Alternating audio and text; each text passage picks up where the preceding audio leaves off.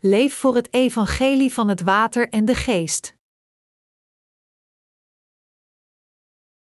Matthäus 20, 20, 28 Toen kwam de moeder der zonen van Zebedeus tot hem met haar zonen, hem aanbiddende en begerende wat van hem.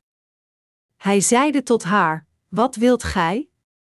Zij zeide tot hem: Zeg, dat deze mijn twee zonen zitten mogen, de een tot uw rechter en de ander tot uw linkerhand in uw koninkrijk.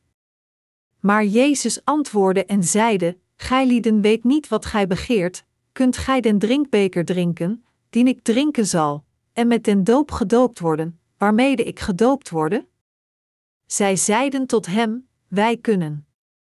En hij zeide tot hen: Mijn drinkbeker zult gij wel drinken, en met den doop, waarmede ik gedoopt worden, zult gij gedoopt worden, maar het zitten tot mijn rechter en tot mijn linkerhand staat bij mij niet te geven, maar het zal gegeven worden dien het bereid is van mijn vader. En als de andere tien dat hoorden, namen zij het zeer kwalijk van de twee broeders. En als Jezus hen tot zich geroepen had, zeide hij: Gij weet dat de oversten der volken heerschappij voeren over hen, en de groten gebruiken macht over hen. Doch alzo zal het onder u niet zijn, maar zo wie onder u zal willen groot worden, die zij uw dienaar, en zo wie onder u zal willen de eerste zijn, die zij uw dienstknecht. Gelijk de zoon des mensen niet is gekomen om gediend te worden, maar om te dienen, en zijn ziel te geven tot een rantsoen voor velen. Vandaag wil ik mij richten op de passage dat zegt: Doch alzo zal het onder u niet zijn, maar zo wie onder u zal willen groot worden, die zij uw dienaar, en zo wie onder u zal willen de eerste zijn, die zij uw dienstknecht. Wanneer we een bepaalde taak toevertrouwd krijgen, moeten we trouw zijn aan de taak, anders moeten we het opgeven, zodat iemand anders de leiding erover kan nemen. Dit geldt voor elke taak. Wie als eerste onder ons wil zijn, moet de Heer dienen. Zebedeus had twee zonen, Jacobus en Andreas. Zij waren beide leerlingen van Jezus, en op een dag kwam hun moeder naar Jezus en vroeg hem om haar twee zonen naast de Heer te zetten, links en rechts, als zijn koninkrijk naar deze aarde komt, met andere woorden, ze vroeg Jezus om prominente plaatsen aan haar zonen te geven. Onze Heer vroeg toen: Zijn jullie in staat om de beker te drinken die ik ga drinken? En zij antwoorden: Ja, dat kunnen we. De Heer zei toen tegen hen: Jullie zullen inderdaad mijn beker drinken, en jullie zullen vervolgd en gemarteld worden voor mij. Maar het is niet aan mij om te beslissen wie naast mij zit, maar wie door mijn Vader bereid is, zal aan mijn zijde zitten. Onze Heer legde het vervolgens uit door een voorbeeld te gebruiken, zijn punt illustrerend door een parabel. Hij zei: Gij weet dat de oversten der volken heerschappij voeren over hen, en de groten gebruiken macht over hen. Doch alzo zal het onder u niet zijn, maar zo wie onder u zal willen groot worden, die zij uw dienaar. Vandaag, met deze passage in gedachten, wil ik duidelijk maken hoe onze heiligen in onze kerken in Korea hun levens van geloof voor de Heer moeten leiden. Handel is een centraal kenmerk van menselijke aangelegenheden. Niet alleen zijn venters actief in de handel, maar gewone mensen houden zich ook bezig met verschillende soorten commerciële transacties in het dagelijks leven. Wij de wedergeborenen moeten ons leven van geloof leven alsof wij bezig zijn met een vak. Zelfs als het gaat om het leven van geloof, geven te veel mensen de voorkeur aan verheven zijn dan verlaagd te zijn, en ze willen liever bediend worden dan te dienen. Maar onze Heer zei dat helemaal tegenovergesteld is in zijn koninkrijk. Zoals hij zei: Maar zo wie onder u zal willen groot worden, die zij uw dienaar, en zo wie onder u zal willen de eerste zijn, die zij uw dienstknecht. Natuurlijk moet deze passage niet geïnterpreteerd worden onder een soort van vleeselijke gedachten. Gelovigen die een vleeselijke denkwijze hebben, neigen er naar deze passage te interpreteren met de bedoeling dat zij de ongelovigen in vleeselijke termen moeten dienen, maar dit is niet wat deze passage betekent. Deze passage betekent dat diegenen die oprecht verheven zijn in het koninkrijk van God, diegenen zijn die zijn evangelie vol energie en trouw hebben gediend. Veel mensen willen gehoord worden. Het menselijke verstand is zo dat iedereen verheven wil worden, en de heiligen in deze kerk en de dienaren van God zijn geen uitzondering. Zelfs als er maar twee mensen samen zijn, dan wil een van hen onvermijdelijk hoger zijn dan de ander. Dus als u bedenkt hoe mensen ruzie maken over wie hoger is dan wie, zelfs als er maar twee mensen zijn, zou deze neiging dan niet nog meer geaccentueerd worden wanneer 40, 50, 100 en 1000 mensen bij elkaar zijn? Iedereen heeft de wens om hoger te zijn dan de rest. Maar hoewel dit verlangen om te worden verheven door iedereen wordt gedeeld, proberen weinigen eigenlijk het evangelie trouw te dienen, ongeacht of ze goed worden behandeld of niet. Hoewel het waar is dat sommige mensen ernaar verlangen het evangelie oprecht te volgen en zichzelf opofferen om het te dienen, geldt dit niet noodzakelijkerwijs voor iedereen, sinds velen relatief weinig zin hebben om de Heer te dienen, ook al willen ze allemaal verheven zijn. Diegenen die willen worden verheven en door anderen worden bediend, maar anderen niet zelf dienen, hebben het erg mis. De Heer leerde ons over deze fouten in zijn woord van vermaning voor zijn leerlingen. Onze Heer is het hoofd van Gods kerk. Elk schepsel en ieder mens moeten onze Heer eren als de meest verhevene van allemaal. Omdat onze Heer de meest verhevene in dit hele universum is, is het een vanzelfsprekendheid om Hem te verheffen. God de Vader, de Zoon en de Heilige Geest zijn onze God, maar wie moet het meest door ons verheerlijkt worden? Het is Jezus Christus onze Heer. Hij heeft ons niet alleen geschapen, maar hij heeft zelfs zijn eigen leven opgegeven om ons te redden. En hij verliet de glorie van de hemel. Omwille van zijn kudde en voor zijn volk om gered te worden, leed hij schaamte, volbracht elk offer en gaf alles dat hij had.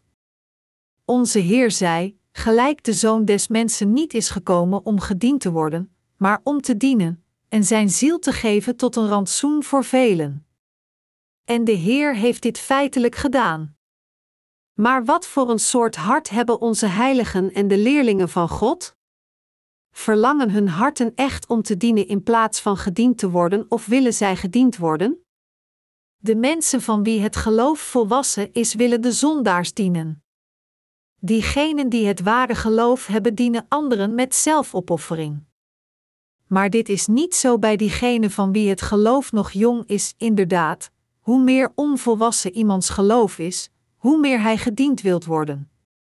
Zulke mensen proberen verheven en goed behandeld te worden, ongeacht wat. Als u wordt uitgenodigd voor een kerkviering en u wilt op de ereplaats gaan zitten en goed worden behandeld en geserveerd, dan is dit een teken dat aangeeft dat uw geloof onvolwassen is. Het laat zien dat u nog steeds vleeselijk ingesteld bent en dat u, wat uw geloof betreft, achterstaat op iedereen. Diegenen die onvolwassen zijn, willen onvoorwaardelijk worden gediend. Als ze niet volgens hun wens worden gediend, dan mopperen en zeuren ze voortdurend en klagen over hun behandeling en ze geven alleen om zichzelf.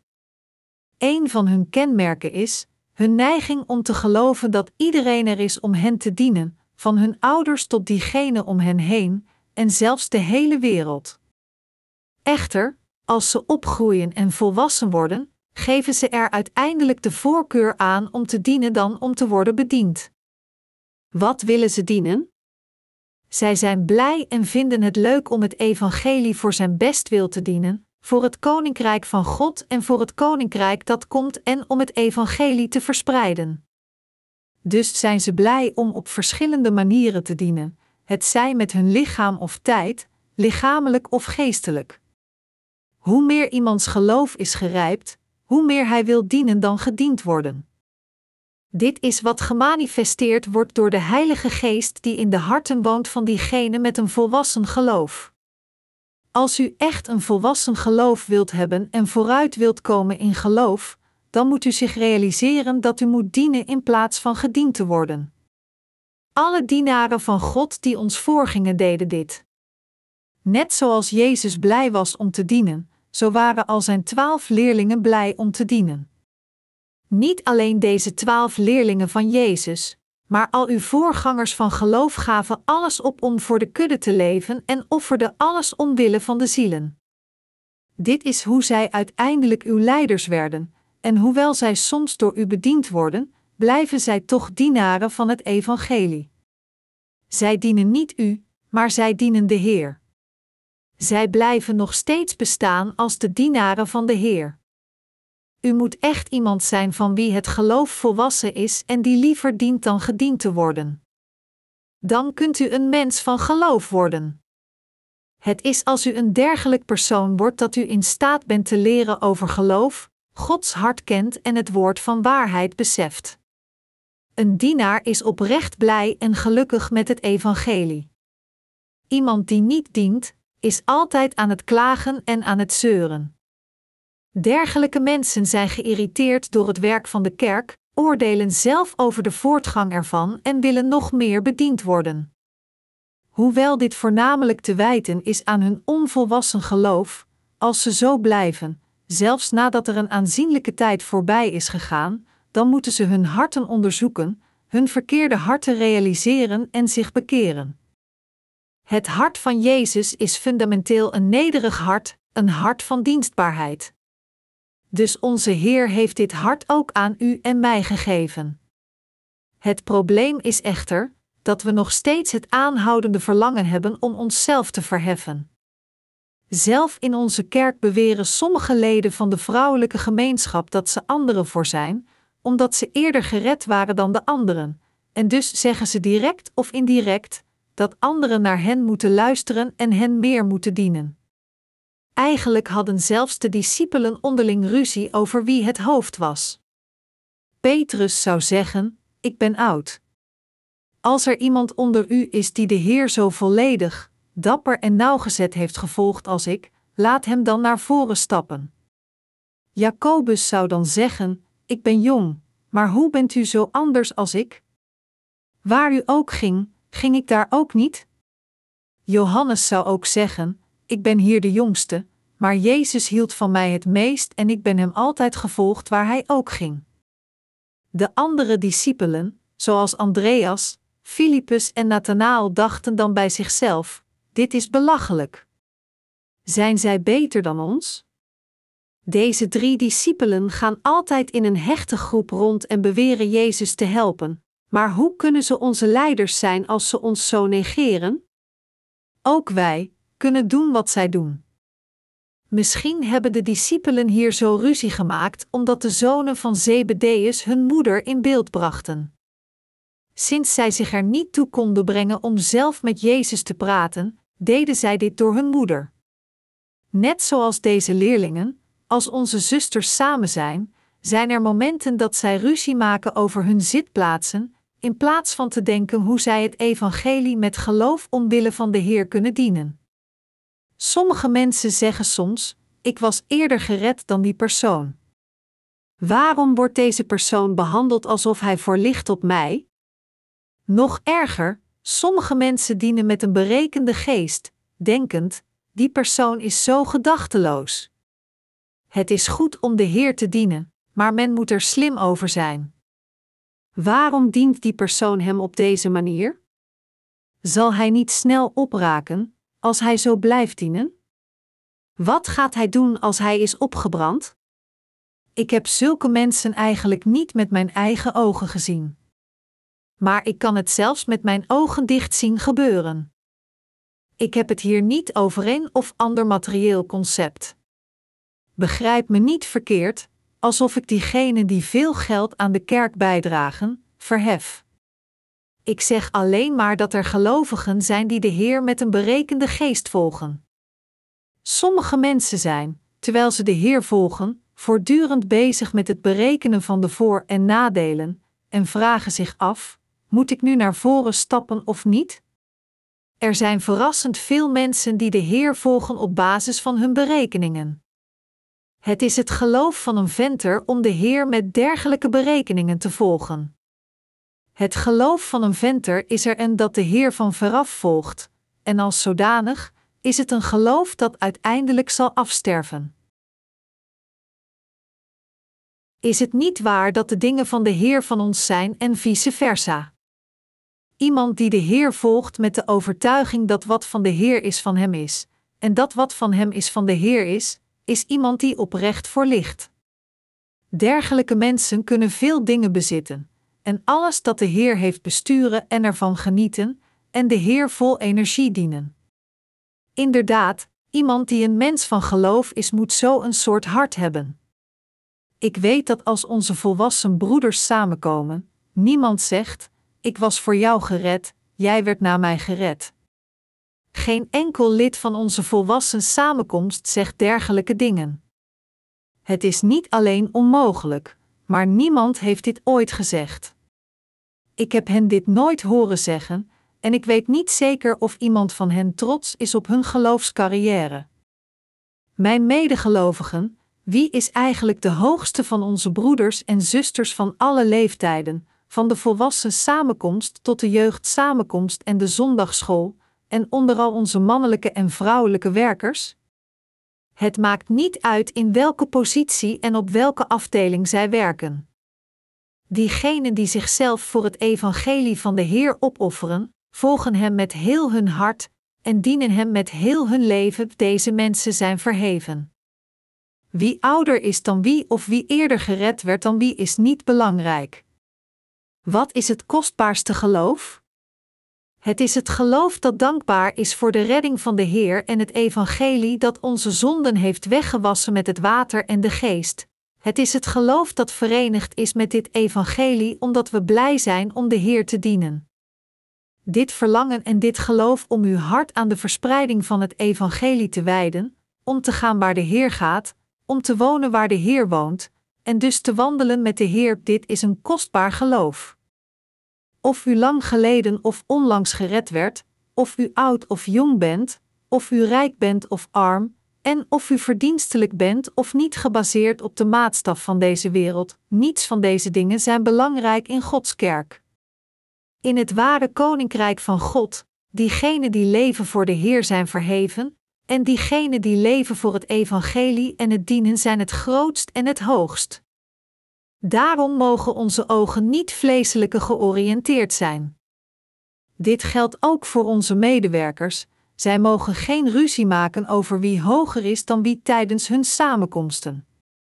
Ik geloof dat de beste in Gods kerk diegenen zijn die hun lichaam werkelijk aan de Heer aanbieden zonder enige bijbedoelingen, ook al hebben ze geen bezittingen te bieden, die zich aan de Heer wijden, ongeacht waar ze zich ook bevinden en die voor het evangelie willen leven en de Heer dienen om zijnentwil. Zij zijn de werkers die ernaar verlangen de Heer en zijn evangelie met steeds meer vreugde te dienen. Ik ben er absoluut zeker van dat omdat iemand eerder gered werd voor iemand anders of verheven werd als werker voor iemand anders, dit niet betekent dat hij een groot geloofspersoon is. Ik ben ook onpartijdig tegenover mezelf. Als ik echt leef voor de Heer en het Evangelie, dan noem ik mezelf een verheven man, maar als ik probeer om voor mezelf te leven in plaats van voor het Evangelie, dan geef ik toe dat ik een laag persoon ben. Dat is de wet van het Koninkrijk van God. Diegenen die oprecht wedergeboren zijn, kennen elkaar zonder iets te zeggen. Zij herkennen precies of iemand geestelijk is of niet zonder een woord te zeggen, sinds zij elkaar in de ogen kunnen kijken. Woorden zijn niet noodzakelijk. Ze weten alles over elkaar omdat hun geest op een lijn zit. Wie zijn dan de laatste onder ons? Welk soort van mensen hebben het meest onvolwassen geloof in elk van onze afdelingen? Diegenen die alleen gediend willen worden en diegenen die doen alsof ze de Heer dienen met een berekenend verstand, ondanks dat zij Hem niet echt dienen, deze zijn de minste van de minste. Hoe weet ik dan deze dingen? U zult bij uzelf denken: Pastor Jong weet iets over mijn verstand. Ja, ik weet hoe uw hart is. Het is omdat mijn ogen op de een of andere manier door uw hart kunnen kijken. Maar ik weet niets dat oppervlakkig geopenbaard is. Ik heb oprecht geen idee of u offert of niet, en als u dat gedaan hebt, hoeveel u hebt geofferd. Hoewel enkele dingen onder mijn bestuur onopzettelijk tot mij doordringen, weet ik niets over de rest. Ik weet niet of u dient of niet met uw materiële bezittingen, nog weet ik wie offerde en hoeveel. We hebben twee broeders die toezien op de kerkelijke boekhouding en financiën, en als deze twee broeders aan mij rapporteren, rapporteren ze alleen de totale verdeling van het aanbod en de uitgaven, niet de individuele cijfers die laten zien welke heilige hoeveel heeft geofferd. Er is geen manier om dit te weten te komen, en ik wil het zelfs niet weten. Maar ondanks dat ik deze dingen niet weet, kan ik nog steeds zien of iemand echt blij is om het evangelie met geloof te dienen. Niemand van onze broeders zegt ooit tegen mij: broeder zo en zo heeft zoveel offers bijgedragen. Ik hoor hen alleen zeggen: we hebben zoveel ontvangen van de belofteoffers, zoveel van de literaire dienst en zoveel van de dankoffers. De totale contributie is dit bedrag en de tienden die we naar de missie zullen sturen is zoveel. Er wordt niets anders aan mij gerapporteerd. Niemand vertelt mij welke heilige en welke medewerker hoeveel heeft geofferd. Deze dingen zijn nog nooit gebeurd sinds onze kerk opgericht werd. Hoewel wij dergelijke gedetailleerde verslagen niet op deze aarde bijhouden, worden zij bijgehouden in het Koninkrijk van God. Hoewel niemand u beoordeelt op basis van uw offers, is wat u geeft geschreven in uw hart en in het boek van God. Wat belangrijk is, is dat wat u geeft met geloof is en niet gebaseerd op een berekening. God weet of u hem met geloof dient of niet. De Heer dienen door een sluw, verkoopachtig geloof dat wankelt afhankelijk van uw eigen is anders omstandigheden is anders dan de Heer dienen door echt geloof. Ik vraag u deze kerk niet in een marktplaats te veranderen. Zulke dingen worden nooit in Gods kerk getolereerd. De Bijbel vermeldt een weduwe die twee kleine penningen aan de Heer aanbood, maar er staat dat dit kleine offer groter was dan enig ander offer. Zo kijkt God naar het gewicht van uw hart. Hij kijkt nooit naar het gewicht van uw materiële offers. De Heer kijkt naar ons hart en niet alleen naar onze handelingen. Diegenen die de Heer met oprechte harten willen dienen met wat zij hebben, kunnen het volgende getuigen: Het was voor mij onmogelijk om de Heer te dienen gezien mijn omstandigheden, maar toen ik mij erop richtte om de Heer met heel mijn hart te dienen, gaf Hij mij wat ik nodig had om Hem te dienen. Ik dien de Heer vanwege de dingen die ik nu heb, en wat ik nu heb werd mij allemaal gegeven door de Heer. Diegenen die oprecht leven met geloof hebben getuigenissen in hen. Echter, er zijn anderen die de Heer met een zeer berekenend verstand dienen. Ze zijn zo berekenend en schermzinnig, maar de Heer onwillig te dienen in plaats van met geloof is volkomen nutteloos. Hoe moeilijk is het om in deze wereld geld te verdienen? Ik weet dit zelf heel goed. Maar dan nog, als u uw geld met tegenzin doneert om de Heer te dienen, dan is dit voor niemand voordelig. Offers die op deze manier gegeven worden zijn niet alleen onvoordelig voor de kerk, maar als de kerk alleen afhankelijk is van dergelijke offers, dan zal ze in korte tijd geen financiële middelen meer hebben. Hoe zwaarder het was voor u om uw geld te verdienen, hoe meer u het moet geven aan uw kostbaarste beproeving, dat wil zeggen het moet geofferd worden aan de Heer. Zo wordt uw geld het beste gespendeerd. Wat de Heer wordt aangeboden, wordt nooit tegengesproken. Het is nooit weggegooid. Kijk eens naar de vrouw die een albasten fles met kostbare geurolie naar Jezus bracht en die op zijn hoofd goot. Toen mensen om haar heen dit zagen, zeiden ze tegen haar: Waarom verspil je zoiets kostbaars? Je goot het hele flesje over het hoofd van Jezus uit, en nu drupt de olie van zijn hoofd op zijn gezicht en zijn kleren. Je hebt zijn kleren en haar geruïneerd. Je hebt niet alleen zijn hoofd met de olie gewassen, maar je hebt het ook over zijn voeten gegoten, en nu is zelf de grond doordrenkt met olie. Wat een verspilling! Echter, de Heer zei dat wat de vrouw deed helemaal geen verspilling was. Het albasten flesje met geurolie was de bruidschat van deze vrouw, en toch had ze het over Jezus gegoten. Om dit albasten flesje in die tijd te kopen, moest een mens het hele jaar werken en elke cent van zijn verdiensten sparen. Dus u kunt zich voorstellen hoe hard deze vrouw gewerkt moet hebben om dit geld te sparen. Toch goot ze het onvoorwaardelijk over de Heer en de Heer zei dat overal waar het evangelie wordt gepredikt, over haar geloof wordt verteld als een gedenkteken voor haar. Als we aarzelen en beven wanneer we onze materiële bezittingen aan de Heer aanbieden, maken we een grote fout. Ook, omdat de omstandigheden van iedereen anders zijn, dient niet iedereen de Heer met zijn materiële bezittingen op dezelfde manier. Terwijl sommige mensen hun materiële bezittingen offeren, zijn anderen niet in staat dit te doen en dienen de Heer met hun lichaam en werkzaamheden. Het verlangen om de Heer met geloof op elke manier te dienen en Hem feitelijk met wat men heeft en wat men ontvangen heeft van de Heer door Hem dit met geloof te vragen, dat is het ware geloof. Sommige mensen offeren zichzelf aan de Heer sinds zij niet anders te geven hebben.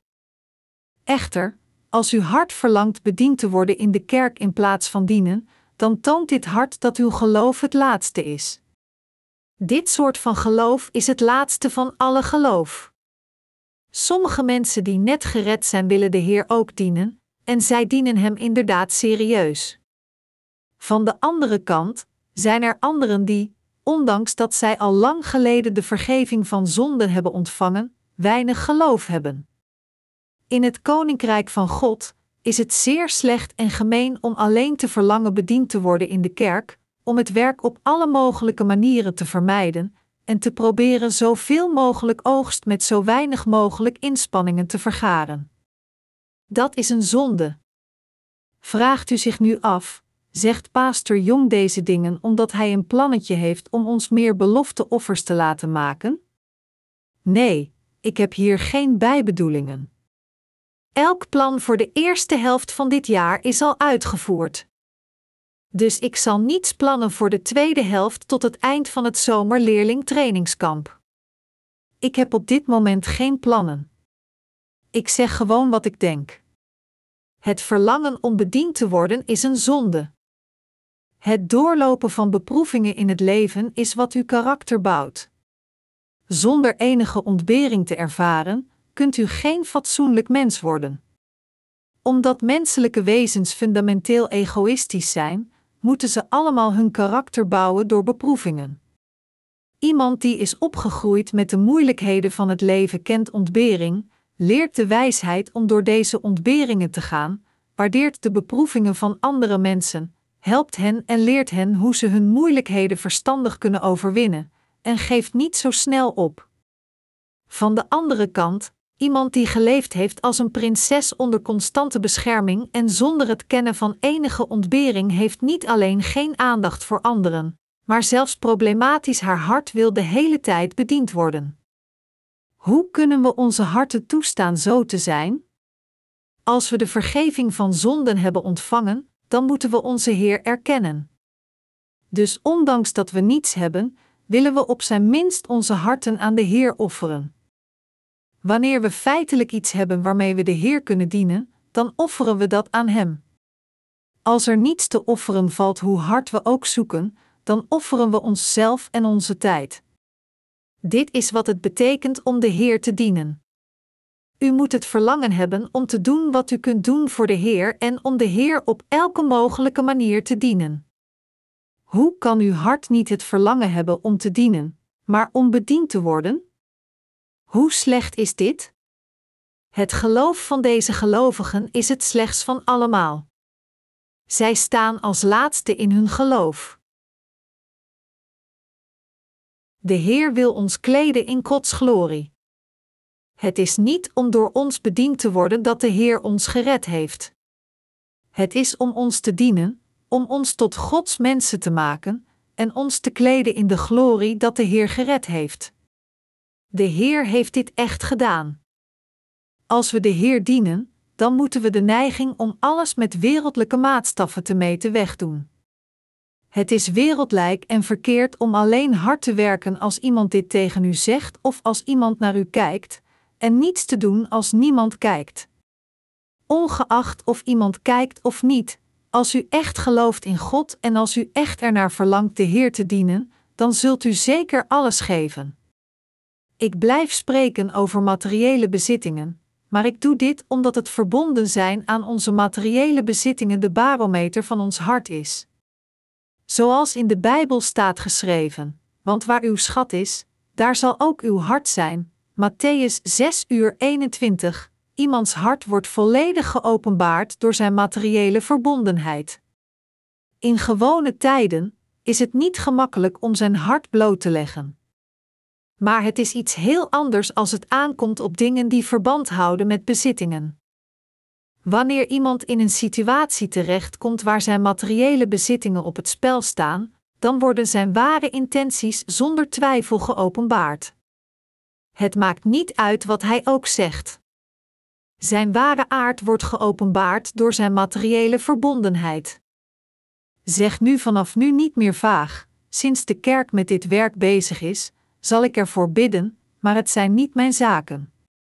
Wees niet onverschillig voor datgene wat de kerk van plan is om te doen. De mensen van geloof moeten nadenken over wat zij met dit plan kunnen doen. En ze moeten ook met geloof in detail bidden voor het werk van God. Anders gezegd, als de kerk bezig met een bepaald werk, moet u denken: wat is mijn deel? Wat kan ik doen?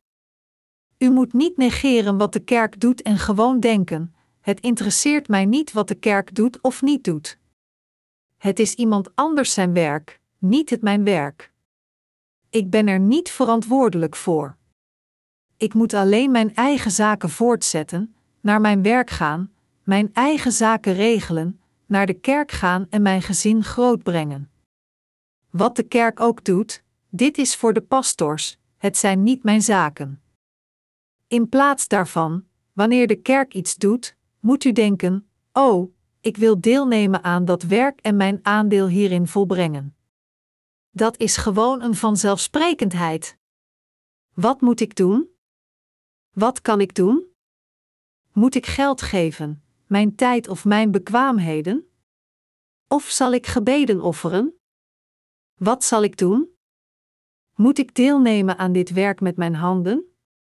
Het is niet juist als u denkt: wat de kerk doet is haar werk, en wat ik doe is mijn werk.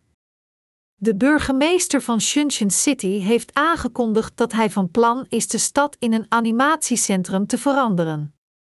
Voor wie worden dergelijke projecten nagestreefd? Dit is allemaal zodat de burgers geld kunnen verdienen. Het is om via deze onderneming economisch voordeel te behalen dat de burgemeester probeert een animatiestad in Junction City te vormen en dit overal in de wereld publiceert. Dit zal nuttig zijn voor onze dienst omdat we erover nadenken enkele stripboeken te publiceren die het evangelie van het water en de geest bevatten. Trouwens, als de kerk zou beslissen om het evangelie door middel van stripboeken te verspreiden, dan moet iedereen die cartoons kan tekenen samenkomen. Sommige mensen zullen zeggen: Maar ik kan niet goed tekenen. Ik heb geen gave in het tekenen van strips. Ik heb geen enkele gave. Ik kan alleen helpen door bij diegenen die tekenen uit de beurt te blijven. Ik zou het alleen maar voor hen verpesten. Ik zou de inkt waarschijnlijk omgooien en alles verknoeien, dus denk er maar niet aan om mij op te roepen om strips te tekenen. Maar is het juist om zo te denken?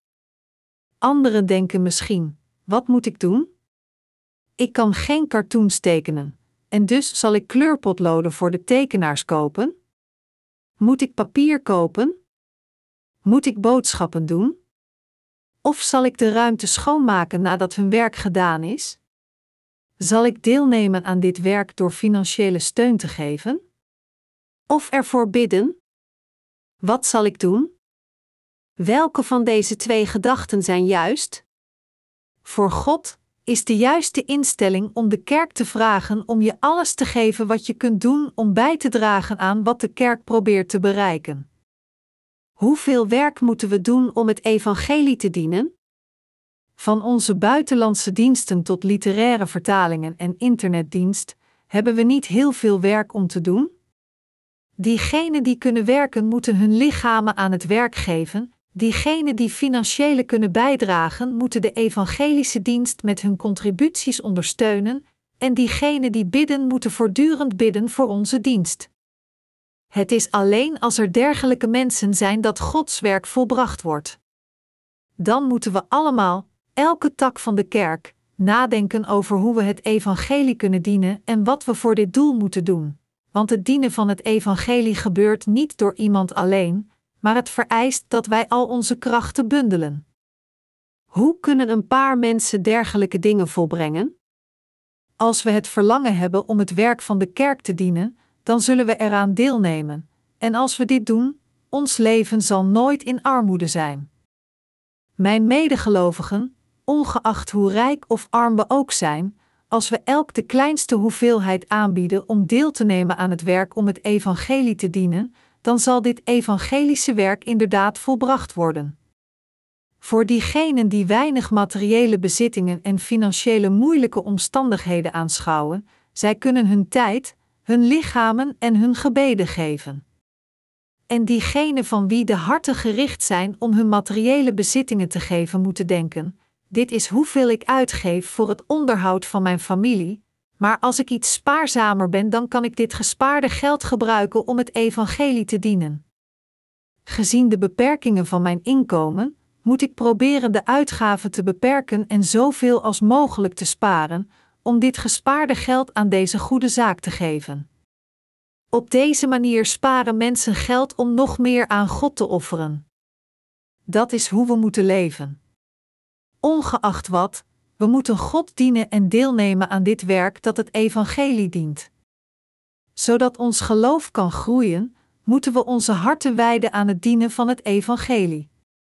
Of we goed werken of niet, is secundair. Het eerste dat we moeten doen is ons hart aan de Heer aanbieden door het beste van ons te geven. Als we leven volgens onze eigen omstandigheden, in plaats van onze harten aan het evangelie te wijden, dan zal het inderdaad onmogelijk voor ons zijn om het evangelie te dienen. Denkt u dat u gewoon goed zult leven zonder uw hart aan het dienen van het evangelie te wijden? Verre van, het zal een strijd voor u zijn om uw lichaam gewoon in leven te houden. We moeten onze harten aan het evangelie wijden. Dan hoe meer ons geloof groeit, hoe meer wij de Heer zullen gaan dienen. De groei van ons geloof betekent dat we nog meer hebben om te dienen. Wat gebeurt er als we nog meer te dienen hebben?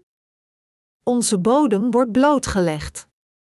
Als uw geloof groeit, dan wilt u nog meer dienen. En wat gebeurt er dan? Als u ziet hoeveel u te dienen hebt en hoe weinig u hebt, dan zult u uiteindelijk naar God bidden en vragen: Heer, laat me u nog meer dienen. Help me zodat ik u nog meer kan dienen. Dus, als u naar God gaat bidden en uw geloof uitoefent, dan zal uw geloof groeien, God zal u meer geven, en dus heb je een mens met groot bezit, ook al lijkt het misschien alsof hij weinig heeft. God is verplicht meer te geven aan diegenen die Hem meer dienen. Uw geloof zal meer groeien, u zult de Heer meer willen dienen, en vanuit dit verlangen zult u Hem inderdaad ook meer dienen. En als u de Heer dient, zal God u meer geven, en u zult dan het eerste worden. Met andere woorden, diegenen die de Heer en het Evangelie meer dienen, verblijven met de Heer, het hoofd van onze kerk, en zij zullen inderdaad het kortst bij de Heer komen. De apostel Paulus zei: Het zij dan dat gij lieden eet, het zij dat gij drinkt, het zij dat gij iets anders doet, doet het al ter ere Gods, 1 Corinthiërs 10 uur 31. Alles zit vervat in deze passage. Of we eten of drinken, of wat we ook doen, we moeten alles doen voor de glorie van God. Hoewel deze passage niet specifiek is, spreekt het niet over alles met al haar implicaties? Sinds de Bijbel ons vertelt dat wat we ook doen, of we eten of drinken, we alles moeten doen voor de glorie van God, is geloof het enige ding dat belangrijk is in onze levens als te rechtvaardigen. Mijn medegelovigen, we moeten inderdaad mensen met een volwassen geloof worden. Ons geloof moet groeien. Liever dan te verlangen bediend te worden, moeten we vrijwillig onze diensten aan de Heer aanbieden. We moeten de soort van mensen worden die meer en meer dienen. De logica van de wereld is duidelijk: als je tien van de tien uitgeeft, heb je niets meer over. Maar wij hebben andere dingen ervaren in het koninkrijk van de Heer. Als we vijf offeren aan de Heer en leven met de overgebleven vijf, dan zal de Heer ons met nog eens tien vullen. We zullen dan zeven van de tien willen geven aan de Heer en leven met de overgebleven drie, en we zullen ons realiseren dat we eigenlijk nu voorspoediger kunnen leven dan toen we met vijf hebben geleefd. Dat is omdat de Heer ons nog meer vult bovenop ons pure geloof. Het is in deze context dat het wonder van de vijf broden en twee vissen werd uitgevoerd. Zo is het ook met het verhaal van de weduwe in Zarfat in de tijd van Elia. De Bijbel vertelt ons ook dat het is op geloof dat Gods zegeningen worden geschonken. Deze weduwe had Gods dienaar bediend met een handvol meel en een beetje olie uit een pot, maar totdat de hongersnood voorbij was, bleef de bak met meel vol en ook de pot met olie droogde niet op. De weduwe had zo weinig bloem over dat toen zij het kneden en het bakte tot koekjes, er amper genoeg voor haar en haar zoon was om elk van te eten. Maar desondanks gebruikte zij deze laatste bloem om de dienaar van God als eerste te dienen en de Bijbel schrijft dat door dit zij in staat was haarzelf en haar zoon te voeden. En de bak met meel raakte niet op tot het einde van de hongersnood. 1 Koningen 17, 11, 16. Zij had Gods dienaar duidelijk als eerste bediend. Maar ik zeg hier niet dat u mij moet dienen. Ik vertel dit verhaal om u eraan te herinneren dat omdat de weduwe geloofde in God en zijn dienaar diende ondanks dat zij zich in een moeilijke situatie bevond niet in staat zichzelf te voeden, zegende God haar huis en voorzag in al haar noden. Dat is waarom haar bak met meel nooit opraakte. Mijn medegelovigen, als u het verlangen hebt om het evangelie te dienen, dan kunt u het evangelie inderdaad meer dan genoeg dienen. Als uw hart gericht is, dan zijn we meer dan in staat het werk van de verspreiding door stripboeken te volbrengen. U weet maar nooit, misschien veroveren we zelfs de hele stripindustrie en bedekken we de hele wereld met het evangelie door onze stripboeken. Als u en ik het verlangen in onze harten hebben om te dienen, dan kunnen we het evangelie meer dan genoeg met Gods zegeningen dienen. Het probleem is het gebrek aan verlangen. Het is niet zo dat de Heer de weg heeft afgesloten, maar Hij heeft hem wijd voor ons geopend. Het is omdat we geen verlangen hebben dat wij niet in staat zijn op deze weg te vertrekken. Als onze harten het verlangen hebben om te werken, dan zelfs als we geen gaven hebben, laat God de mensen van de wereld ons helpen en brengt ons werk tot volbrenging. Inderdaad, wat belangrijk is zijn onze harten. Wat belangrijk is, is het verlangen te hebben de Heer te dienen. Dit verlangen om te dienen in plaats van bediend te worden is zeer belangrijk. Diegenen die de Heer willen dienen, ongeacht hoe zij hun best hebben gedaan om zo weinig mogelijk geld aan zichzelf te spenderen, offeren de rest aan God. Maar diegenen die bediend willen worden, denken erover na hoe zij nog meer geld aan zichzelf kunnen spenderen. Iemand van wie het hart verlangt de Heer te dienen, dient Hem inderdaad onder alle omstandigheden, en God vult hem nog meer zodat hij in staat is Hem nog meer te dienen. Iemand die bediend wil worden, heeft nooit genoeg, ondanks dat hij voortdurend worstelt om zijn lot te verbeteren en er alles aan doet om al het geld in zichzelf te investeren. Dit is het verschil van het rijk van geloof. En als u echte vergeving van uw zonde hebt ontvangen en een mens van geloof bent geworden, dan moet u het verlangen hebben uw geloof te laten groeien. Als eerste moet u bidden om uw geloof te laten groeien. Het is als uw geloof groeit dat uw hart ernaar verlangt de Heer nog meer te dienen, en dat is hoe u feitelijk iemand wordt die het evangelie dient. We moeten allemaal diegenen worden die meer en meer willen dienen. Denk niet bij uzelf: ik heb genoeg gedaan. Ik heb zoveel gediend, en dus is het mijn beurt om bediend te worden en niet te dienen. Al diegenen die achter mij komen zijn diegenen die het evangelie moeten dienen, niet ik. Diegenen die gered worden voor anderen moeten de Heer nog meer volgen en diegenen die nog meer genade in de kerk hebben aangedaan, die er langer in verblijven, moeten nog meer dienen. Juist omdat hun geloof zoveel gegroeid is, moeten zij nog meer dienen. Zo is het koninkrijk van God. U en ik zijn beiden dienaren van de Heer. Wij zijn beiden Gods mensen. Sinds wij allemaal voor de Heer leven, zijn wij diegenen die de materialen van de wereld hebben aangeboden, dit lichaam van ons en al het andere aan de Heer. Als we alles aan onszelf zouden spenderen en elke stap berekenen met onze eigen interesse in gedachten, wanneer zullen we dan de Heer ooit dienen? Wanneer zullen we het werk van het Evangelie uitvoeren? Wanneer zullen we het Evangelie door stripboeken verspreiden? Wanneer zullen we de wereld evangeliseren? Wanneer zullen we getuigenis dragen aan onze mede-Koreanen? En wanneer zullen we het Evangelie aan onze families prediken? Als u alles doet voor uzelf, dan zult u de Heer nooit dienen. Met andere woorden, iemand die de Heer dient, kan niet alles doen wat hij voor zichzelf wil doen. Dit betekent niet dat u nooit meer kleren mag kopen. Sommige mensen dienen de Heer trouw ondanks dat zij mooie kleren dragen en veel geld uitgeven, terwijl anderen de Heer helemaal niet dienen, zelfs als zij doen alsof ze niets doen om zichzelf te bevredigen. Dit onderwerp is van het hart, niet van enkele zichtbare verschijnselen. God heeft u verschillende gaven gegeven. Hij heeft uw omstandigheden optimaal gestimuleerd, zodat u Hem op welke manier dan ook kunt dienen, of het nu gaat om uw materiële bezittingen of uw lichaam. Echter, iemand die de Heer met niets dient, noch met zijn lichaam, noch met zijn materiële bezittingen, noch met zijn gebeden en gedachten, weigert absoluut om te dienen, wat er ook gebeurt. Wanneer we zulke mensen vergelijken met diegenen die de Heer trouw dienen tot aan hun dood, kunnen we duidelijk zien dat deze mensen helemaal niet oprecht zijn. Het is niet goed voor diegenen die een klein geloof hebben om te stoppen met het uitoefenen van welk klein beetje geloof ze ook hebben.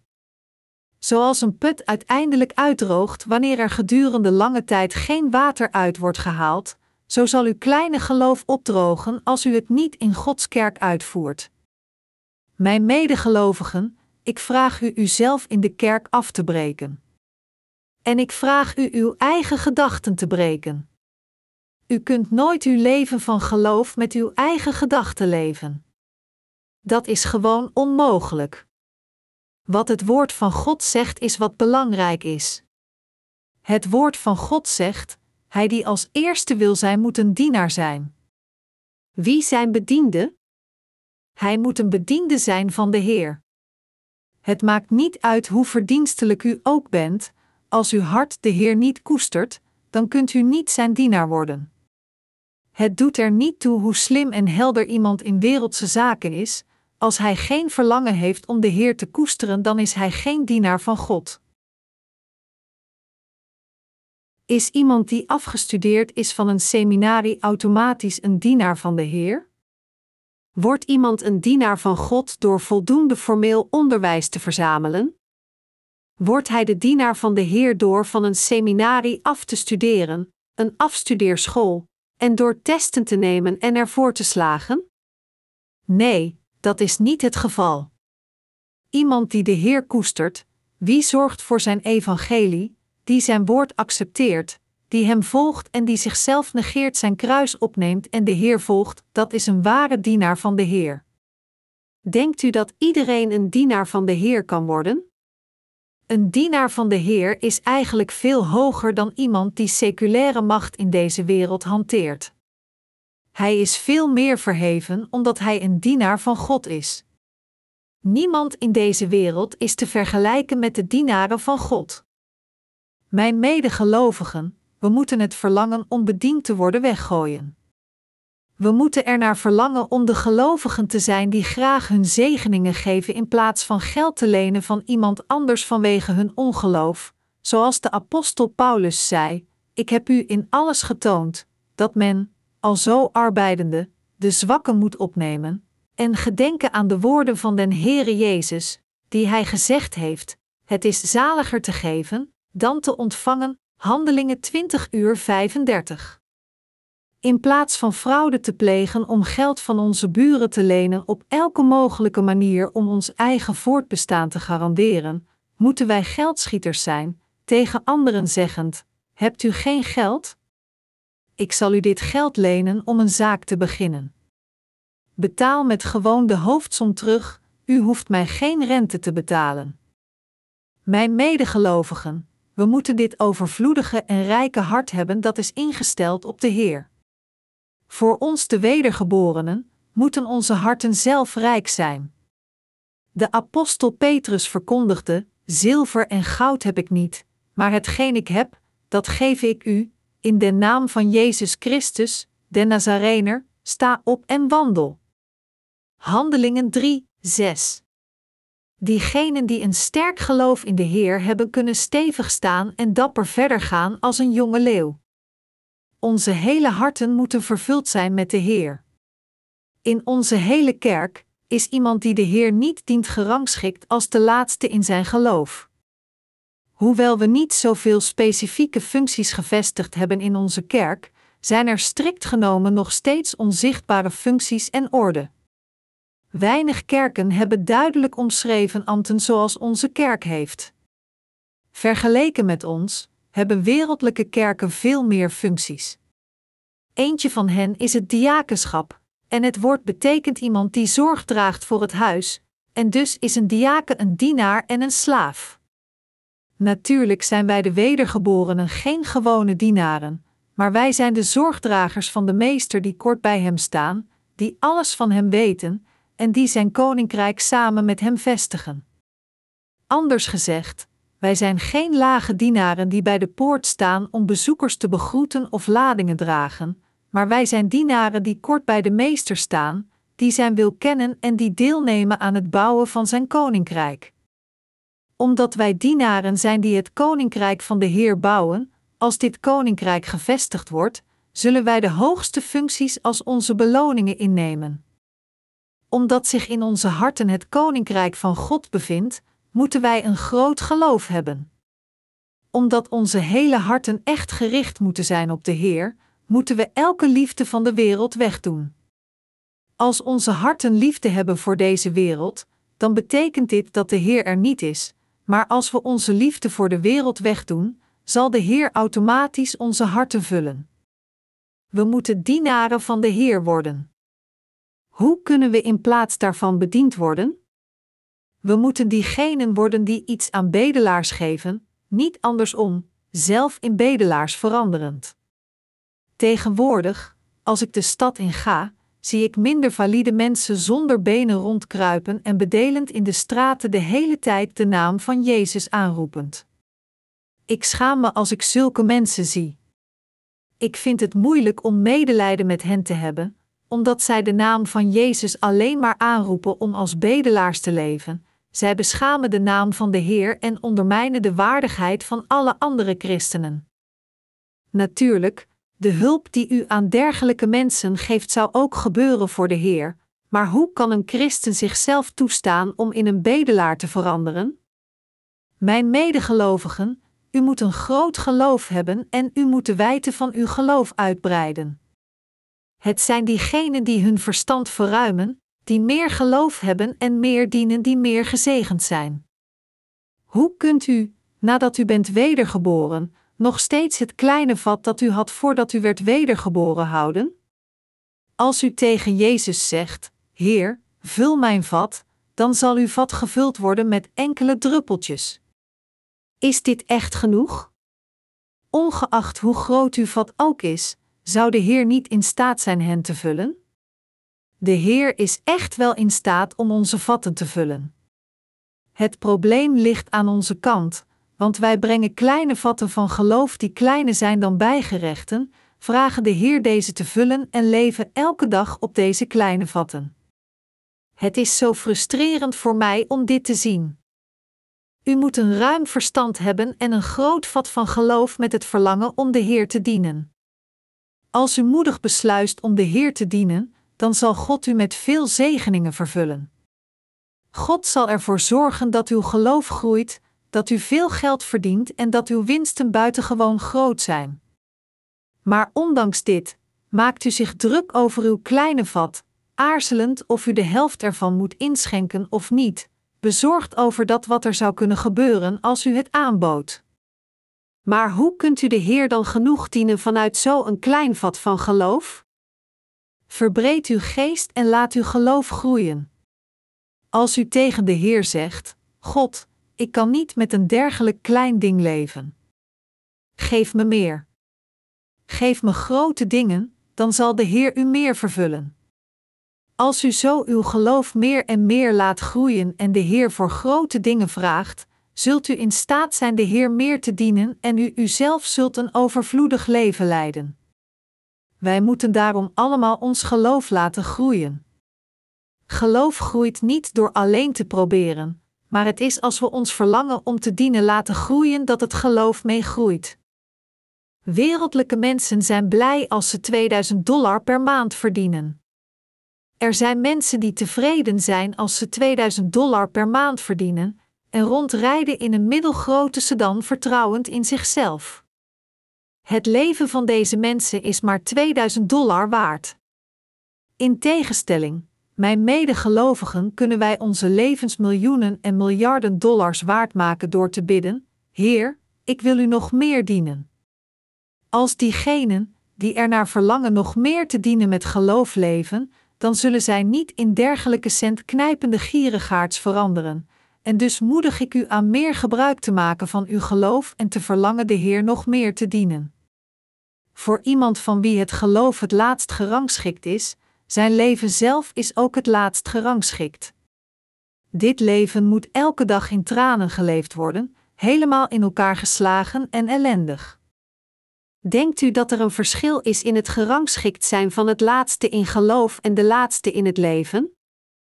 Denkt u dat het mogelijk is om in uw leven als eerste gerangschikt te zijn, maar in uw geloof als de laatste gerangschikt te zijn? Nee, iemand van wie het geloof als laatste is gerangschikt, is ook de laatste als het gaat om zijn leven. Dat is tenminste hoe het is in het koninkrijk van God. Daarom moeten we onszelf afvragen: hoe kan ik de Heer dienen? Wat kan ik doen om de Heer te plezieren? Hoe kan ik trouw zijn toevertrouwde taak uitvoeren? Wat moet ik doen om het werk van de Heer te volbrengen? Het is voor dit doel dat we moeten leven. Wat we ook doen, of we eten of drinken, u en ik moeten alles doen voor het doel van het dienen van de Heer en zijn evangelie.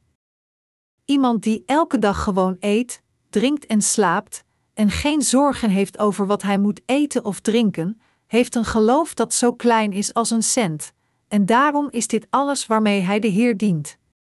Daarom is het voor hem onmogelijk om rijk te worden. Eenmaal geboren in deze wereld, moet u een rijk leven leiden, en ondanks dat u niet in een grote villa woont, zou u op zijn minst een leuk huis moeten hebben om u thuis te noemen en te genieten van het goede leven. Als u in plaats daarvan uzelf elke dag dood moet werken en amper genoeg geld verdient om uzelf te voeden, of soms zelf honger moet lijden, is dit dan niet een ellendig leven? U leeft maar een keer, en dus moedig ik u aan met veel ambitie en moedigheid te leven, in plaats van zo gierig te leven door het gebrek van geloof. Als u geloof hebt, dan zult u ervaren hoe God voor al uw behoeften zorgt. Bent u een rechtvaardig persoon of niet? U bent inderdaad een rechtvaardig persoon. Gezien het feit dat u een rechtvaardig persoon bent en een kind van God, zou het zijn wil voor u zijn om een centknijpend en ellendig leven in deze wereld te leven? Nee, natuurlijk niet. Daarom, als u wilt dat uw hart geloof heeft en de Heer dient, en als u beslist uw hart aan het evangelie en het werk van de Heer te wijden, dan ziet wat u doet voor zijn ogen, zal God voor al uw behoeften zorgen. Als uw hart geneigd is om te zeggen: Heer, ik wil uw werk trouw doen, dan zelfs ondanks dat uw omstandigheden niet schikt zijn, zal God hen zo veranderen zodat u in staat bent Hem te dienen. Anders gezegd, God zal u een bepaalde impuls geven om vele geloofswerken uit te voeren. Waarom zouden we dan zo gierig leven? sinds u eenmaal in deze wereld geboren wordt, moet u dan niet de wereld rondreizen, zijn verschillende keukens proberen, en de verschillende gebruiken zien en ervaren, en de decors en de culturen die de wereld biedt? En moet u niet leven voor de rechtvaardigheid? Laten we allemaal zo leven. Luister niet alleen naar mijn preek om daarmee te eindigen, als u echte vergeving van zonde hebt ontvangen, dan is het juist om dit principe toe te passen om uw geloof in uw leven te laten groeien. We moeten allemaal nadenken over de volgende vraag: wat is er verkeerd aan mijn geloof? Verlang ik er echt naar om voor de Heer te leven? Ja, ik ben gered, maar ik leef nog steeds in mijn vlees, erover nadenkend wat moet ik eten, wat moet ik drinken en welke kleren moet ik dragen? Als u zich zorgen maakt over wat u moet eten of drinken en welke kleren u moet dragen, dan kunt u de Heer niet dienen. U zult elke dag wakker worden met deze zorgen en uw hele leven onder hun gewicht leven.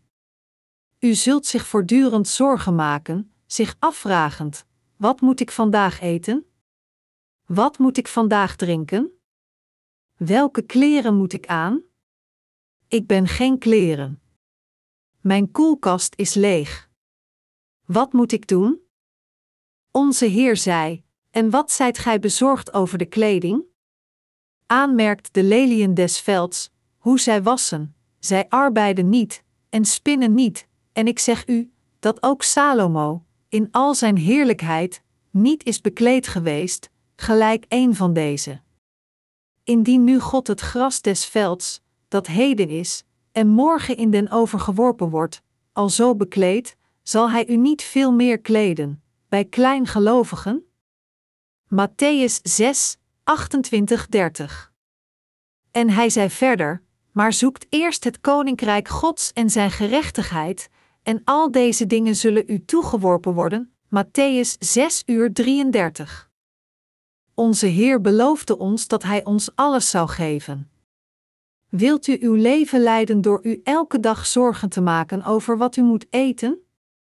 Nu moeten we verlangen om mensen van geloof te worden die het evangelie steeds meer dienen en we moeten feitelijk zo worden. Verruim uw geest en leeft voor de Heer en het evangelie. God laat u dan in overvloedige voorspoed leven. Gelooft u hierin? Daarom moedig ik u aan om met geloof te leven. Ik ben fundamenteel anders dan de frauduleuze pastors in wereldlijke kerken die zeggen: als u uw huis verkoopt en het aan de Heer offert, dan zult u twee huizen krijgen, alleen maar om hun eigen kerkfinanciën te vergroten. Denkt u dat ik daarom mijn ambt uitvoer? Nee, kijk alstublieft niet naar mij alsof ik een dergelijke goedkope bedrieger ben. Ik heb nooit een enkel woord tegen u gezegd dat niet uit geloof kwam of een woord dat u naar de vernietiging zou leiden. De manier hoe u en ik voorspoed hebben is door de Heer te dienen. Om Zijn koninkrijk en Zijn rechtvaardigheid te zoeken is de manier voor ons om zegeningen te ontvangen. Zijn koninkrijk wordt gevestigd door het evangelie van het water en de geest te prediken. En om iedereen op deze aarde te leiden om de vergeving van zonde te ontvangen en een kind van God te worden, is zijn koninkrijk en zijn rechtvaardigheid te zoeken. God vertelt u en mij voor hem te leven, want dit is juist. Laten we daarom allemaal voor zijn koninkrijk en zijn rechtvaardigheid leven. Halleluja!